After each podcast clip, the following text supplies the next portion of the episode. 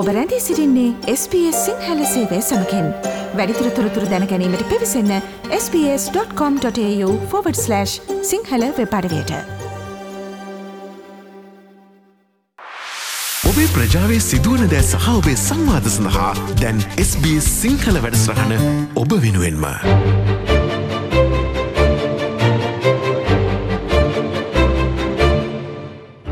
දැන් මේ ඔස්ට්‍රේලියාව තුළ COොVID-19 ආසාධන පැතිරීම යම් ප්‍රමාණයකින් අඩුවී ඇත නිසා මීට මාස දෙකකට පමණ පෙර ඔස්ට්‍රලයන් රජය විසින් පැන වූ ඒ නීතිරීති ලිහිල් කිරීමක් සිදුවී තිබෙනවා විවිධ ප්‍රාන්තවල විවිධ අධීර ඔස්සේ තමයි මෙය සිදු කරන්නේ. ඉතින් මේ මැයිමාස්සේ අවසාන සතියේ අංහරුවාදා විනිවිධ සමාජ මත විමසූ තුළින් ස්පිය සිංහල වැඩසටහනින් අපි මෙවාර වැඩි අවධානයක් යොමු කරන්න කල්පනා කලා මේ නීතිරීති ලිහිල් කළ පමණින් අපිට මේ අවධානම් පහව ගොස් ඇති බවට කිව නොහැකි නිසා ප්‍රජාවක් ලෙසට අපි මේ නීති රීති ලිහිල්වීමත් සමඟ අපි ජීවන රටාව ආරක්ෂාකාරී ලෙස වෙනස් කරගන්නේ කෙසේද සහ ඒ සඳහා අපිට ඇති වගකීම පිළිබඳව කතාබහ කරන්න. සුපුරුදු පරිදි මැයි මාසේත් විනිවිධ සමාජ මත විමසුමට අපි විවිධ ප්‍රාන්තවල ඔබේ අදහස එකතු කරගන්නවා. ඉතින් මේ අකරට මේ COොVID-19 වෛරස පැත්‍රයාමත් සමඟ මේ පැනවූ නීතිරිති ලිහිල් කිරීමත් සමඟ අපේ ජීවන රටාව වෙනස් කර ගැනීමට අපිට සිදුවෙනවා ඉතින් ඔස්ට්‍රලයනු රජ්‍ය මේ හඳුන්වන්නේ නිව නෝමල් යනුවෙන් කොරුණ වසංගත ඇතිවීමට පෙර අපේ ජීවන තත්ත්වය පැවති ආකාරයට නොව වෙනස් ආකාරයේ සාමාන්‍ය ජීවිතයක් තමයි දැන් අපිට ගත කරන්නට සිදුවෙලා තිබෙන්නේ. ඉතින් මේ සම්බන්ධයෙන් අපි වෛද්‍ය විද්‍යාත්මකව මේ වෛරසයෙන් ආරක්ෂාවීමට මොනාකාරයෙන්ද ජීවන රටා වෙනස් කළ ගත යුත්තේ අපි දැනගත යුත්තේ කුමන කරුණුද කියන කාරණය පිළිබඳව අපි මුලින් අදහස එකතු කරගන්නට කල්පනා කලා ඒ සඳහා අපිත් සමග එකතු වෙනවා ඇඩ්ලේඩ් නුවර රොයල් ඇඩ්ලේඩ් රෝහලේ වෛද්‍ය සරත් සේනාදීර මහතා. ඔව් ඇත්තම මේ සෞත් ඔස්ට්‍රේලියා අනිත් ප්‍රාන්ත වගේම බොහොම ඉදිරියෙන් ඉන්නවා මේ රෝග පාලනය අංශයෙන්. මේ වෛරස් එක ගැන අපි ගොඩ දෙනෙක් විද්‍යාත්මකව දැනගත යුතුයි. ඒක නිසා දැන් මේ දවස්වල කතා වෙන එකක් තමයි අපි කුඩ දෙනෙක් අපි මයික්‍රෝබයොලොජිකලි ලිටරසි කියන එක. ඒ කියන්නේ අපේ සුද්ධ ජීවත් ජීව විද්‍යාත්මකව සාක්ෂරතාවය ඉහළ ලංවන්න ඕනේ. ඒ කියන්නේ අපි ටිකක් කියවලා මේක දැනගෙන ඉන්න ඕනේ. මේකේ තියෙනවා මේ ආර් නෝට් කියලා අගයක්. ඒ කියන්නේ මේක නැවත තව කෙනෙකුට බෝවීමේ හැකියාව. සාමාන්‍යයෙන් වෛරස් වලට එහෙම R කියන එක බිඳුවේ සිට ඉහළට යනවා. සාමාන්‍ය ඔය සරම්ප වගේ රෝගයකට මේක සාමාන්‍යයෙන් 15ක් විතර වගේ එනවා. කොවිඩ් වලට මේක දෙකක් තුනක් විතර වගේ එනවා. ඒ කියන්නේ එක්කෙනෙක් විසින් තවත් කෙනෙකුට මේ රෝගය පැතිරියාමේ හැකියාව තමයි මේ R නෝට් කෙනාගෙන් කියවෙන්නේ. ඉතින් කියන්නේ එක රෝගියෙක් හැදුනහම එයාට තව දෙන්නෙකුට තුන් දෙනෙකුට මේ මේක බෝ කරන්න පුළුවන්. ඉතින් මේක ඇත්තටම මිනිස්යාගෙන් මිනිස්යාට බෝ වෙන නිසා ඉතින් අපි සලකන්න ඕනේ එක ගැවසෙන මිනිසයන් තමයි මේකේ රෝගය සහ රෝග වාහකයන් වෙන්නේ. ඉතින් අපි ඉදිරියට ජීවත් වෙනකොට අපි දැනගන්න ඕනේ හැම කෙනෙක්ම රෝගය තියෙන කෙනෙක් හෝ එහෙම නැත්නම් රෝග වාහකයෙක් කියලා තමයි අපි සලකන්න ඕනේ. එතකොට අනිවාර්යයෙන්ම අපි සමාජ දුරස්ථභාවය තියාගන්න ඕනේ. ඊට පස්සේ අපි අනිත් සෞඛ්‍ය පුරුදු ඒ විදිහටම තියාගන්න ඕනේ. මාස්ක් එකක් පැළඳීම සාමාන්‍යයෙන් අත්‍යවශ්‍ය වන්නේ නැහැ. නමුත් නොදන්නා ස්ථානයක සහ ඉතා පොඩි ඉඩක් තියෙන තැනක මිනිසුන් ගොඩක් ගැවසෙන තැනක ඉන්න වුණොත් අනිවාර්යයෙන්ම මාස්ක් එකක් ගැනීමේ වාසියක් තියෙනවා. ඒ වගේ සෞඛ්‍ය පුරුදු ඉතා හොඳින් පිළිපැදීම තමයි අපි කරගන්න වෙන්නේ. මොකද දැන් අපේ බෝඩර්ස් මේ වෙනකොට වහලා තියෙන නමුත් කොයි වෙලාවෙ හෝ මේ බෝඩර්ස් ඇරියාම ඉතින් අපි නැවතත් අවට ලෝකයට විවෘත වෙනවා. දැන් මේ වෙලාවේ අපිට රෝගීන් නැතත් ඉතින් රෝගීන් ඉදිරියට එීමේ හැකියාවක් තියෙනවා. අනිත් එක තමයි මට තවත් කියන්න ඕනේ මේකේ ඉන්කියුබේෂන් පීරියඩ් එක සහ ඉන්ෆෙක්ෂන් ඉන්ෆෙක්ෂස් පීරියඩ් ඒ කියන්නේ රෝගයේ තව කෙනෙකුට වැළඳීමේ හැකියාව දවස් බිඳුවේ සිට දවස් 14 දක්වා තියෙනවා. ඒකේ සාමාන්‍යයෙන් රෝග ලක්ෂණ පෙන්눔 කරන්න සාමාන්‍ය දවස් 5ක් විතර යනවා. නමුත් රෝග ලක්ෂණ පෙන්눔 කරන්න දවස් දෙකකට විතර කලින් ඉඳන්ම ඒ රෝගියා වෙන කෙනෙකුට රෝගය දෙන්න හැකියාව තියෙනවා. ඒක නිසා රෝග ලක්ෂණයක් නැතුව කැස්ස එම්බිරිසා උණ උගුරේ අමාරු මුකුත්ම නැතුව රෝගය තවත් කෙනෙකුට දෙන්න පුළුවන්. ඒක තමයි මෙතන කියන භයානකත්වය. ඒක නිසා තමයි අර සෑම මිනිසෙක්ම රෝගියෙක් කියලා සලකලා තමයි අපි අපේ ඉදිරියට කටයුතු කරගන්න වෙන්නේ. ටෙස්ටිං කිරීමෙන් තමයි අපිට ඇත්තටම ලෙඩේ තියෙනවද කියලා දැනගන්න වෙන්නේ. නමුත් රෝග ලක්ෂණ තිබුණොත් තමයි බලන්නේ. නමුත් ඒ හැරුණාම අපි ඒ රෝගය හැදිච්ච කෙනෙක් ආශ්‍රය කරලා තියෙනවා නම් අනිවාර්යෙන්ම අපි ටෙස්ට් කරගත යුතුයි. ටෙස්ටිං වගේම තමයි ඊටම වැදගත් වෙන්නේ අර අපි අර කොවිඩ් සේෆ් කියන ඇප් එක අපි ගාව තියෙන එක. ඒක ඒක හරිම වැදගත්. ඒකෙන් තමයි අපිට කවුරු හරි අපිට මේ සෞඛ්‍ය බලධාරීක් අපිට ටෙලිෆෝන් කරලා කියන්නේ ඔයා මෙන්න මේ රෝගියෙක් සමග මෙච්චර කාලයක් ඉඳලා තියෙනවා. ඔයාට හැදීමේ සම්භාවිතාවය තියෙනවා. ඒක නිසා අනිවාර්යෙන්ම කොරන්ටයින් වෙන්න. රෝග ලක්ෂණ එනකොටම මේ ටෙස්ටිං කරගන්න කියලා. ඉතින් ටෙස්ටිං කිරීම ඉතාම වැදගත්. ටෙස්ටිං වලින් තමයි අපි සියලුම මොඩලින් දේවල් හදාගන්නේ. සාමාන්‍යයෙන් මිනිසුන්ට අලුත් දේවල් පුරුදු වෙන්න අමාරු නෑ. නමුත් කුඩා ළමුන් ඒවා ඉක්මනින්ම ඉගෙන ගන්නවා. නමුත් වැඩිහිටියන්ට අලුත් පුරුදු ඇති කිරීම ටිකක් අමාරුයි. ඒකට කරන්න තියෙන එකම දේ තමයි රෙපිටිෂන්. ඒ කියන්නේ ඇඩල්ට් ලර්නින් කියලා කියන්නේ තනිකරම රෙපිටිෂන්. ඒ කියන්නේ හැම නිතර නිතර කිරීම තමයි ඒ පුරුද්ද ඇති කර ගැනීමට තියෙන එකම මාර්ගය. අපි ඒක අමතක කළා අපි තුමු අපි එළියට ගියාට ආවට පස්සේ අතසෝදන එක අපි ඒක පුරුද්දක් විදිහට කරගන්න එක විතර මතක් කරලා මතක් කරලා නොකරොත් ඒක අපිට පුරුද්දක් වෙන්නේ නැහැ. ඒක තමයි සාමාන්‍යයෙන් වැඩිහිටි අධ්‍යාපනයේ තියෙන ටිකක් අමාරු දේ. ඒකට මොකක් හරි එලාම් එකක් හෝ මොන හරි එකක් තියාගෙන අපි ඒ ඒ දේවල් කරන්න ඕනේ. එහෙම නැත්නම් මේ පුරුද්ද අපිට ඇති වෙන්නේ නැහැ. ඉතින් දැන් අපි විනිවිද තුලින් අවධානය යොමු කරමු මේ විවිධ ප්‍රාන්තවල අපේ ශ්‍රී ලාංකික ප්‍රජාවගේ අදහස්.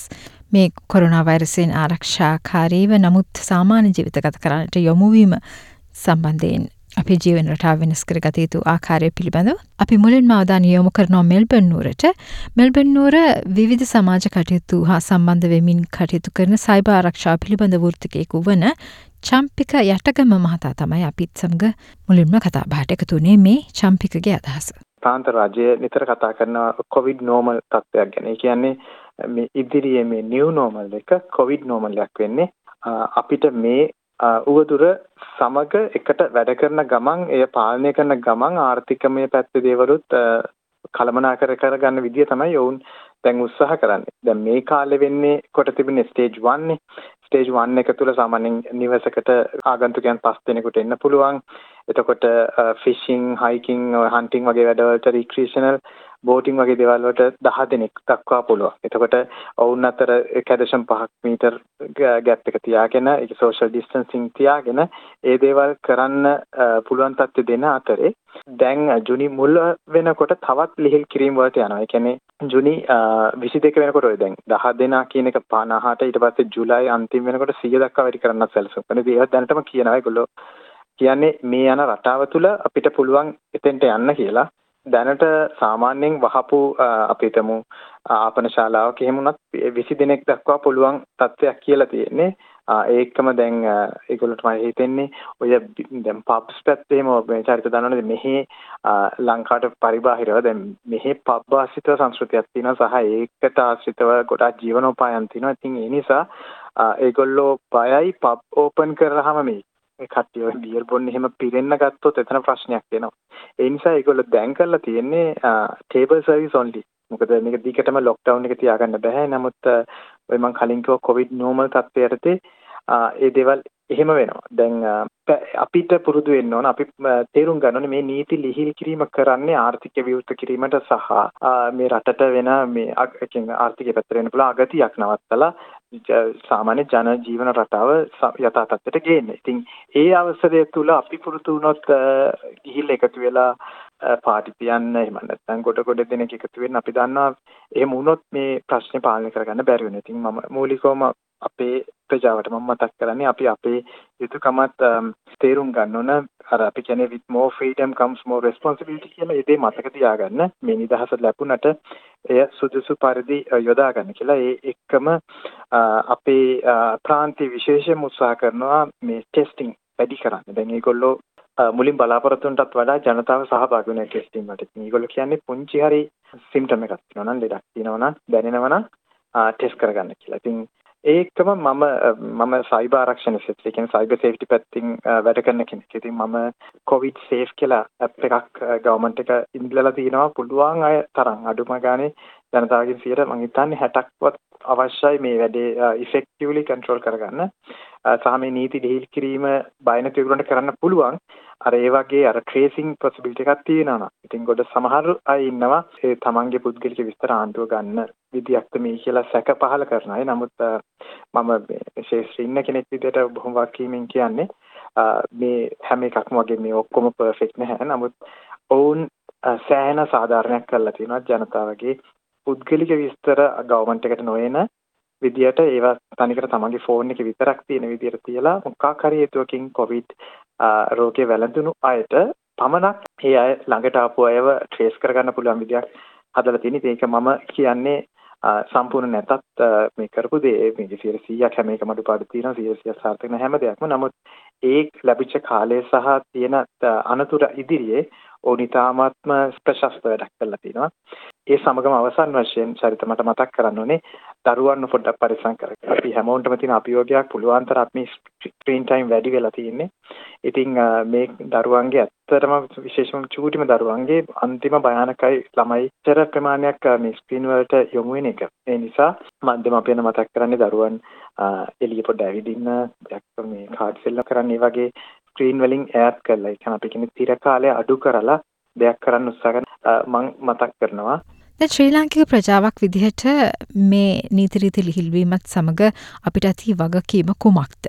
ඉතින් අපිත් සමගේ සම්බඳෙන් අදහස් එකතු කරන්න දැන් එකතු වන්නේ නොදන් ටෙරිටරිහි ශ්‍රී ලංකා ඔස්ට්‍රේලිය මිත්‍රත්ව පදන මේ වත්මන් සභාපතිනය වන ඉනෝකා පින්තු මහත්මිය. ඔවුචරිතා මං හිතන විදිහට අපි පොදු සමාජයක් හැටියට අපේ වගකීම හා කාර්යභාර ගැන කතා කරනකොට මං හිතන්නේ ඒක ආරම්භ වෙන්නේ මම කියන පුද්ගලයාගෙන් කියලා. අපි හැමෝටම වගකීමක් තියෙනවා කොරෝනා ව්‍යසනයෙන් මිදෙන්න අපේ උපරිම සහයෝගය සහ දායකත්වය ලබා දෙන්න. ඒකම නීති රීති ඉහිල් කළා කියන්නේ මං හිතන විදිහට අපි අවධානයෙන් ගැලවුණා කියන එක නෙමෙයි. මොකද නීති රීති රෙගුලාසි සහ සෞඛ්‍ය උපදෙස් මගින් මෙතෙක් කල රජයේ විසින් පාලනය කරපු උවදුරේ වගකීම අප වෙත පැවරීමක් හැටියටයි මම මේ අවස්ථාව දකින්නේ. ඉතින් ඒකට මං හිතන විදිහට පළවෙනිම කාරණේ වෙන්න ඕනේ අපේ ආකල්පවල ධනාත්මක වෙනසක් ඇති වෙන්න ඕනි කියලා. මොකද මේ වගකීම තවත් කෙනෙක්ගේ පිට පවරන්න අපිට කොහෙත්ම අයිතියක් නැහැ. මොකද අපි දන්නවා අපි හැමෝම දැන් ජීවත් වෙන්නේ අර known unknown කියන තත්ත්වයක් උඩ. ඒ කියන්නේ අපි දැන් දන්නවා කොරෝනා කියන මාරාන්තික වෛරසයක් ගැන අපි දන්නවා. ඒත් අපි තවමත් දැනුවත් නැහැ වෛරසයේ සම්පූර්ණ තොරතුරු ගැන. අපි දන්නේ නැහැ මේක තවදුරටත් ව්‍යාප්ත වේද, කවරැල්ලක් විදිහට ආයෙත් ඒවිද, ඒකේ පසුකාලීන ඉෆෙක්ට්ස් ගැන අපි කවුරුත් තාමත් දන්නේ නැහැ. දෙවැනි වගකීම මං හිතන්නේ සෞඛ්‍ය ආරක්ෂිතව ජීවත් වීම. ඒ කියන්නේ ආරක්ෂිත පුරුදු සහ නීති රීති දිගින් දිගටම තවදුරටත් අනුගමනය කරලා තවත් කෙනෙක්ට එය වැළඳීම නවත්තන එකට වගකීමක් වගේම වගවීමක් අපිට තියෙනවා කියලා මම හිතන්නේ. තුන්වෙනි එක තමයි මම හිතනවා අපේ ආර්ථිකය නගා සිටීමට කැපවිය යුතු කියලා. ඒක අපේ තවත් වගකීමක්. මොකද මේ වසංගතයත් එක්කම අපි දැක්ක විශාල වශයෙන් රැකියා අහිමි වුණා. සුළු හා මධ්‍ය පරිමාණ කර්මාන්ත ව්‍යාපාර බිඳ වැටුණා. ඉතින් මේ ආර්ථික අවපාතයෙන් ගොඩ ඒමට අපේ කැපවීම සහ සහයෝගය ලබා දීම අනිවාර්යම විය යුතු දෙයක්. හතරවෙනි එක චත්ත මං හිතන්නේ අපේ ප්‍රජාව ශක්තිමත් කිරීම සහ එකිනෙකාට සහයෝගය දීම. මොකද කොවිඩ් වලින් පීඩනයන්ට ලක් වෙච්ච අපේ ගොඩාක් දූ දරුවන් ශ්‍රී ලාංකික අපගේම සහෝදර ශ්‍රී ලාංකික ජනතාව හැකි ආකාරයෙන් තව දුරටත් බලා ගැනීම අපේ වගකීම කියලා මං හිතනවා මොකද ඒ වගකීම තාමත් අපෙන් ඉවත් වෙලා නැහැ. එහෙම වෙච්ච කෙනෙක්ගේ මානසික මට්ටම ගැන අපි හිතන්න ඕනේ. ඒක නිසා අපිට කොහොමද ඕන්ට උදව් කරන්න පුළුවන් කියන එක ගැන අපි තවදුරටත් හිතන්න ඕනේ. මං හිතන්නේ එහෙම හිතනකොට අපි හිතන්න ඕනේ නෑ මට ඒගොල්ලන්ට මූල්‍යමය වශයෙන් උදව් කරන්නම ඕනේ කියලා. මං හිතන්නේ අපිට සුළු උපකාරයක් උදාහරණයක් හැටියට දුරකථන ඇමතුමක් දීලා උන්ගේ සුව දුක් අහන එක, උන් තනි නොකරන එක, උන් සමගම මේ අවස්ථාවේ සිටීම ඇත්තටම ඒක ලොකු පිටිහාලක් වෙනවා කියලා මට හිතෙන්නේ. ඒ මගින් මම හිතනවා අපි ප්‍රජාවක් හැටියට නැවත එකාවන්ව නැගී සිටීමකට එකතු වෙන්න පුළුවන් කියලා. සහ ඒක අපේ වගකීම කියලා. දැන් අපි සමග සම්බන්ධ වෙනවා ක්වීන්ස්ලන්තයෙන් ක්වීන්ස්ලන්ත විශ්වවිද්‍යාලයේ මහාචාර්ය ජේ වීරවර්ධන මහතා. ඉතින් ඔහු විශේෂයෙන්ම අවධානය යොමු කරන්නේ මේ ආර්ථික වශයෙන් ඔස්ට්‍රේලියාවට මේ නීති රීති දැමීම නිසා සිදු පාඩුව පියවා ගැනීමට රජය මේ ආකාරයෙන් නීතිරීති ලිහිල් කිරීමත් සමඟ අපිට ඇති වගකීම සම්බන්ධයෙන්. කොරෝනා වෛරසය නිසා ආර්ථික කටයුතු වසා තැබීමෙන් ඔස්ට්‍රේලියානු ආර්ථිකය තුන පාඩුව සතියකට බිලියන හතරක් එකම අපි අපි දන්නවා අපි සිටින අධ්‍යාපන ක්ෂේත්‍රයේ මාවඩ කරන අධ්‍යාපන ක්ෂේත්‍රයේ ගොඩක් ශිෂ්‍යයෝ ඉන්න ශ්‍රී ලංකාවේ. ඉතින් අධ්‍යාපන ක්ෂේත්‍රයේ මේ මේ පාඩුව අතිශාලයි. විශේෂයෙන් ඔස්ට්‍රේලියානු විශ්වවිද්‍යාලයන් ආසියාතික ශිෂ්‍යයන් මත ගොඩක් යැපෙනවා. ඔස්ට්‍රේලියාවේ උපකුලපතිවරුන්ගේ සංගමේ කියා සිටියා. මේ හානිය මේ කෙලවර යැකි US ඩොලර්ස් 14.5 බිලියන් ඉතින් මේක විශාල ප්‍රශ්නයක් මිනිසා හැමෝටම මේ කලබලයක් තියෙන ආර්ථික කටයුතු ආපහු යථා තත්ත්වයට ගේන්න. නමුත් අපි දන්නවා ඒකම පරිස්සම් වුණේ නැත්නම් ආපහු තිබිච්ච තත්ත්වයට යන්න පුළුවන්. ඒකම ලෝකෙ පුරා කතාවක් යනවා දෙවෙනි වටයක් එන්න පුළුවන් කියලා මේ වෛරසය පැතිරීමට. දැන් අපි ජූනි පළවෙනිදා වෙනකොට සියලුම වගේ ප්‍රාන්ත රාජ්‍යයන් පබ්ස් ඕපන් කරන්න, ස්කෝල විවෘත කරන්න, ඒකම ගේකට යන්න පුළුවන් ප්‍රමාණය වැඩි කරන්න, මල් ගේකට යන්න පුළුවන් වැඩි ප්‍රමාණය ඒ හා සම්බන්ධව දැනට ක්‍රියාත්මක වන සීමාවන් ලීල් කරන්න උත්සාහ කරන මේ දක්වා අනුගමනය කරා වූ සෞඛ්‍ය සම්පන්න හැසිරීම් දිගටම ගෙනියන්න කියලා. මේ සෑම ප්‍රාන්ත රාජ්‍යයකම ප්‍රීමියර් කෙනෙක් අවධානය කළ තිබුණා. අමතක කරන්න එපා පබ්ලික් ට්‍රාන්ස්පෝර්ට් යූස් කළත් ස්කෝලේ ගියත් ප්‍රිකෝෂනරි ස්ටෙප්ස් ඒ කියන්නේ ගන්න පුළුවන් පරීක්ෂම් වෙන්න පුළුවන් හැමදේම රජයේ ජනතාව දැනුවත් කරමින් ඉන්නවා. ඉතින් මේ අපිට යුතුයකමක් තියෙනවා මේ සියල්ල ඉතාමත් පරිස්සමෙන් කරගෙන යන්න. ඉතින් මේ පසුගිය මාස දෙක තුළ බොහෝ දෙනාට ඔවුන්ගේ සාමාන්‍ය ජීවිතය වෙනස් කර ගැනීමට සිදුනා මේ කොරුණා වෛරසයෙන් ආරක්ෂාවීම සඳහා. ඉතින් මෙහිදී අපි සියලු දෙනාට යම් කිසි අවස්ථාවක් ලැබුණා මේ COVID-19 වසංගතයට පෙර ජීවන රටාව පිළිබඳව නැවත හැරි බලන්නට. ඉතින් මේ සම්බන්ධයෙන් යම් වෙනස් අදහසක් ඉදිරිපත් කරනවා දැන් සිඩ්නි නූරීන් අහිත් සමග එකතු වෙන කැලුම් ඉනාමලුව මහතා. ඔව් ඇත්තටම මේ නිව් සවුත් වේල්ස් අපේ ස්ටේට් එකේ අපේ ප්‍රාන්තේ සෑහෙන හොඳින් රජය ක්‍රියාත්මක වුණා. ඉතින් ඒකත් එක්ක දැන් බොහෝ දුරට ලිහිල් කිරීම කරගෙන යනවා. ඉතින් සෑහෙන හොඳ තත්ත්වයක තියෙනවා. නමුත් මට හිතෙනවා තවමත් මේ කොරෝනා වෛරස් එකේ තවමත් ඩේන්ජර් කියන දේ ඇතුලේ තියෙනවා අලු යට ගිනි පුපුරු තියෙනවා කියලා මට හිතෙනවා. ඉතින් ඒක නිසා අපි ගොඩක් දුරට පරිස්සම් වෙන්න ඕනේ. මෙච්චර මාස දෙකක් තුනක් තිස්සේ අපි අමාරුවෙන් මේ ගානට ගෙනාවු එක සුමානයක් දෙකක් ඇතුළත ලොකු වෙනසක් වෙන්න ඉඩ තියෙනවා. මොකද ගොඩක් රටවල මම හිතන්නේ සිංගප්පූරු වගේ රටවල ඒ වගේ එක්ස්පීරියන්ස් එකක් මේ ළඟදී තිබුණා. ඉතින් මට හිතන විදිහට කට්ටිය පොඩ්ඩක් අර පරණ පුරුදු වලට ඉක්මනින්ම යන ගතියක් තියෙනවා පාරවල් වල shopping centers වල එහෙම නැත්නම් public places අපි දුම් parks අරම්මනම් තැන්වල ගොඩාක් අය පමණට වඩා ගැවසෙන ගතියක් තියෙනවා. ඉතින් මේක ආයි තව ප්‍රශ්නයක් නොවන විදියට මිනිස්සු හිතනවා නම් ගොඩක් හොඳයි. මොකද මම හිතනවා මේ පහුගිය මාස දෙකේ අපි ගොඩක් හොඳ අත්දැකීම් ටිකක් ලබා ගත්තා මේ සමාජයක් එහෙම නැත්නම් මනුෂ්‍ය ජීවියෝ හැටියට. ඉතින් ඒ ඒ ලබාගත් හොඳ අත්දැකීම් වලින් අපිට මං හිතන්නේ ඉස්සරහට යන්න පුළුවන්කමක් තියෙද්දි අපි පරණ පුරුදු ආපහු අරගෙන ඉක්මනින්ම ක්‍රියාත්මක වෙන ගතියක් මේ දවස් දෙක තුනේ මට දකින්න තියෙනවා. ඉතින් මේක ඇත්තටම තරමක අවාසනාවන්ත ගතියක් කියලා මට හිතෙන්නේ. අපිට පුළුවන් අපිට සුපුරුදු දෙයකින් අපේ කමියුනිටි එක අතරේ යම් කිසි හොඳ පණිවිඩයක් දෙන්න ඉතින් ඒ තුලින් යම් කිසි පණිවිඩයක් මුළු සමාජෙටම දෙන්න පුළුවන් වෙයි කියලා මට හිතෙනවා. මොකද මම මේකේ ගොඩක් හොඳ පැති කීපයක්ම දකිනවා මම මේක ඇත්තටම දකින්නේ විශ්වලාගෙන ආපු ආශිර්වාදයක් හැටියට. අපිට ගොඩක් වෙලාවට පවුලේ ඈත් එක්ක කාලය ගත කරන්න ලැබුණේ බොහොම අඩුවෙන්. පාරට ඔෆිස් එකට ජීවිතේ වැඩි කාලයක්ම ගෙවුණා. ඉතින් දැන් මේ පහුගිය මාස දෙකේ අපිට අපිව අලුත් තැනකට තල්ලු කරලා අපිට කාලයක් දුන්නා පවුලේ කට්ටියත් එක්ක ජීවත් වෙන්න, ගෙදර වත්ත, ගේ ඇතුළ හොඳින් පිරිසුදු කරන්න, එකම අපි මේ අනවශ්‍යයෙන් කරපු වියදම් අපි අපි සැලෝන් වලට ගිහලා වියදම් කරනවා පබ්ස් වලට යනවා.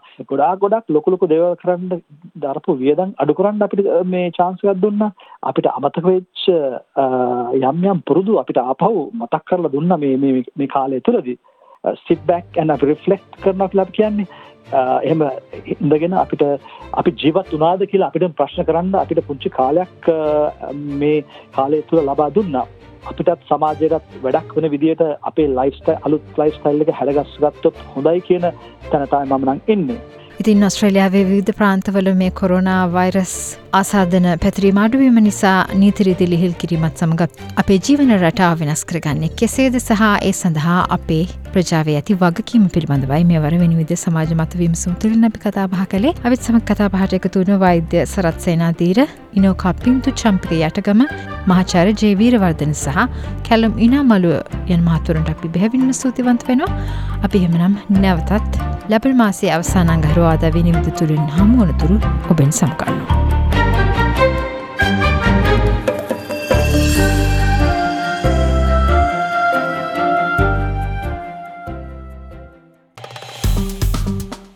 ලයි කරන්න ෂයා කරන්න අදහස් ප්‍රකාශ කරන්න SBS සිංහල ෆස්බුක් පිටුව ෆලෝ කරන්න.